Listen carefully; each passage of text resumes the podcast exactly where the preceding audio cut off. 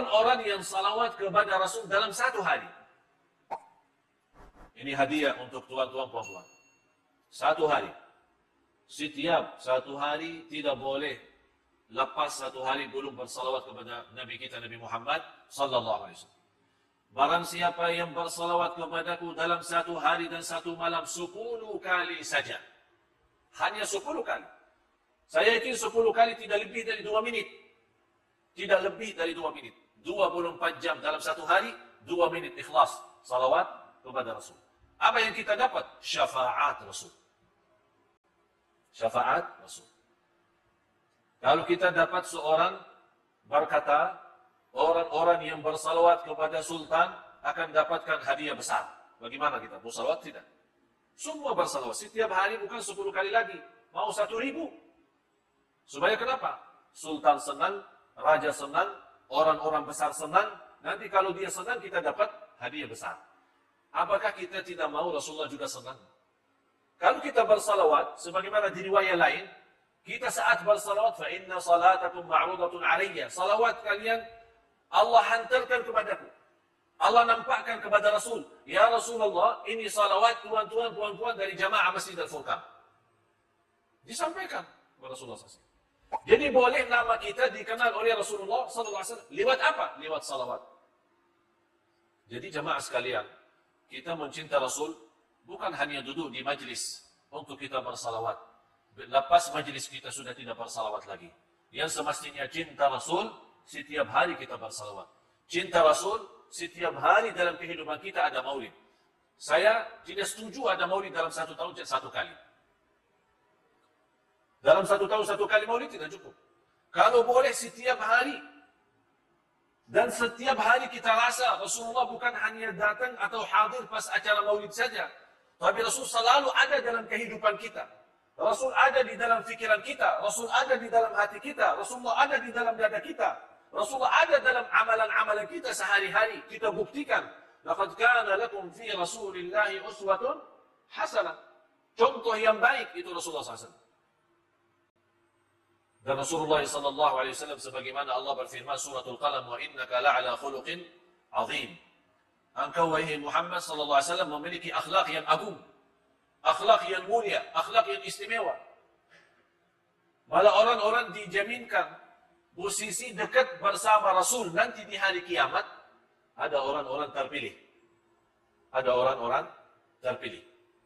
Orang yang terdekat kepada Allah hari kiamat siapa? Ahlul Quran. Orang yang terdekat kepada Rasul hari kiamat siapa? Dua. Yang pertama, orang yang senantiasa di dalam dunianya dia selalu bersalawat kepada Rasul. Rasulullah SAW bersabda, "Aqrabukum minni majlisan yawm al-qiyamah aktsarukum alayya salatan." Orang yang paling dekat kepadaku hari kiamat, yang paling banyak salawat kepadaku. Kita berapa kali salawat? Kalau kita baca surat kabar, satu jam, dua jam, kita tengok TV, ada lagi film, film barat lagi, kita tidak bosan. Senang. Satu jam, dua jam, tiga jam. Kita pergi ke mall, kita bawa hiburan, kita punya anak. Budak jalan-jalan, pusing-pusing. Dari jam subuh, jam pagi, jam tujuh, pulang ke rumah sudah jam petang. Berapa jam habis? Hiburan, senang. Tapi berbanyak salawat kepada Rasul, kita mendapatkan duduk dekat sama Rasul hari kiamat. Jadi kita menjadi orang dalam satu majlis bersama Rasulullah SAW. Yang kedua, orang yang terdekat kepada Rasul nanti di hari kiamat, orang yang paling mulia akhlaknya.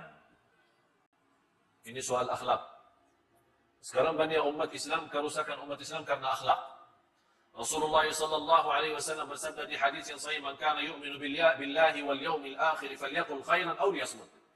Barang siapa yang iman kepada Allah dan hari akhir, jaga dua hal. Saya bertanya tuan-tuan puan-puan, iman kepada Allah tidak? Jawab. Iman tidak. Iman kepada hari akhir tidak. Faham hari akhir? Hari kiamat. Percaya hari kiamat? Yakin hari kiamat? Kata Rasulullah, kalau anda percaya Allah, percaya hari kiamat, mesti jaga dua hal. Berkata-kata yang baik. Atau diam atau diam. Ini sekarang kita kembali. Rasulullah sallallahu alaihi wasallam tidak pernah berbicara selain yang baik. Amar ma'ruf nahi munkar, zikir, istighfar, doa, baca Quran, berdakwah. Tidak pernah ada kata yang tidak bagus. Semacam itu sahabat, semacam itu para alim ulama, semua menjaga. Malah salah satu cerita di antara ulama ahlus sunnah wal jamaah, Al-Imam Rabi' Ibn Khutaim, rahimahullah, kalau kita duduk bersama dia satu tahun, di samping dia, kita temani sahabat sama dia, satu tahun, dia tidak mau mula berbicara. Dia lebih banyak diam daripada berbicara. Daripada berkata-kata. Kalau dia berbicara, mesti jawab. Kalau ada soalan, dia jawab. Kalau tidak ada soalan, tidak jawab. Assalamualaikum. Waalaikumsalam. Terus diam. Kalau kita duduk satu tahun sama dia, dia tidak mula berbicara. Kita sekarang dari pagi sampai malam berapa kali berbicara? Berapa kali kata-kata? Qala Ali bin Abi Thalib radhiyallahu an, "Fakkir fima taqul, fa in kana khairan faqul wa illa fasmut." Berfikirlah sebelum Anda berkata-kata. Ini nasihat Sayyidina Ali bin Abi Thalib radhiyallahu an. Berfikirlah sebelum berkata-kata. Kalau berkata itu baik, silahkan teruskan. Kalau tidak baik, diam. Sekarang kita teruskan kata-kata, habis itu astagfirullah. Ya Allah maaf, terus saya kata. Sudah teruskan kata astagfirullahaladzim. Memang manusia. Itulah kata Allah, Innahu kana zaluman jahula, sungguh manusia amat zalim dan amat bodoh. Macam itu berlaku manusia. Zalim, sangat zalim dan sangat bodoh. Dia tidak boleh jaga diri. Padahal ini sama sebabnya lidah, sebabnya lisan, sebabnya kata-kata. Rasulullah SAW bersabda, boleh jadi seorang masuk ke neraka 70 tahun sebabnya satu kata. Nauzubillah. Sebabnya satu kata masuk neraka 70 tahun. Bagaimana kalau satu ratus kata? Berapa tahun? 700 tahun.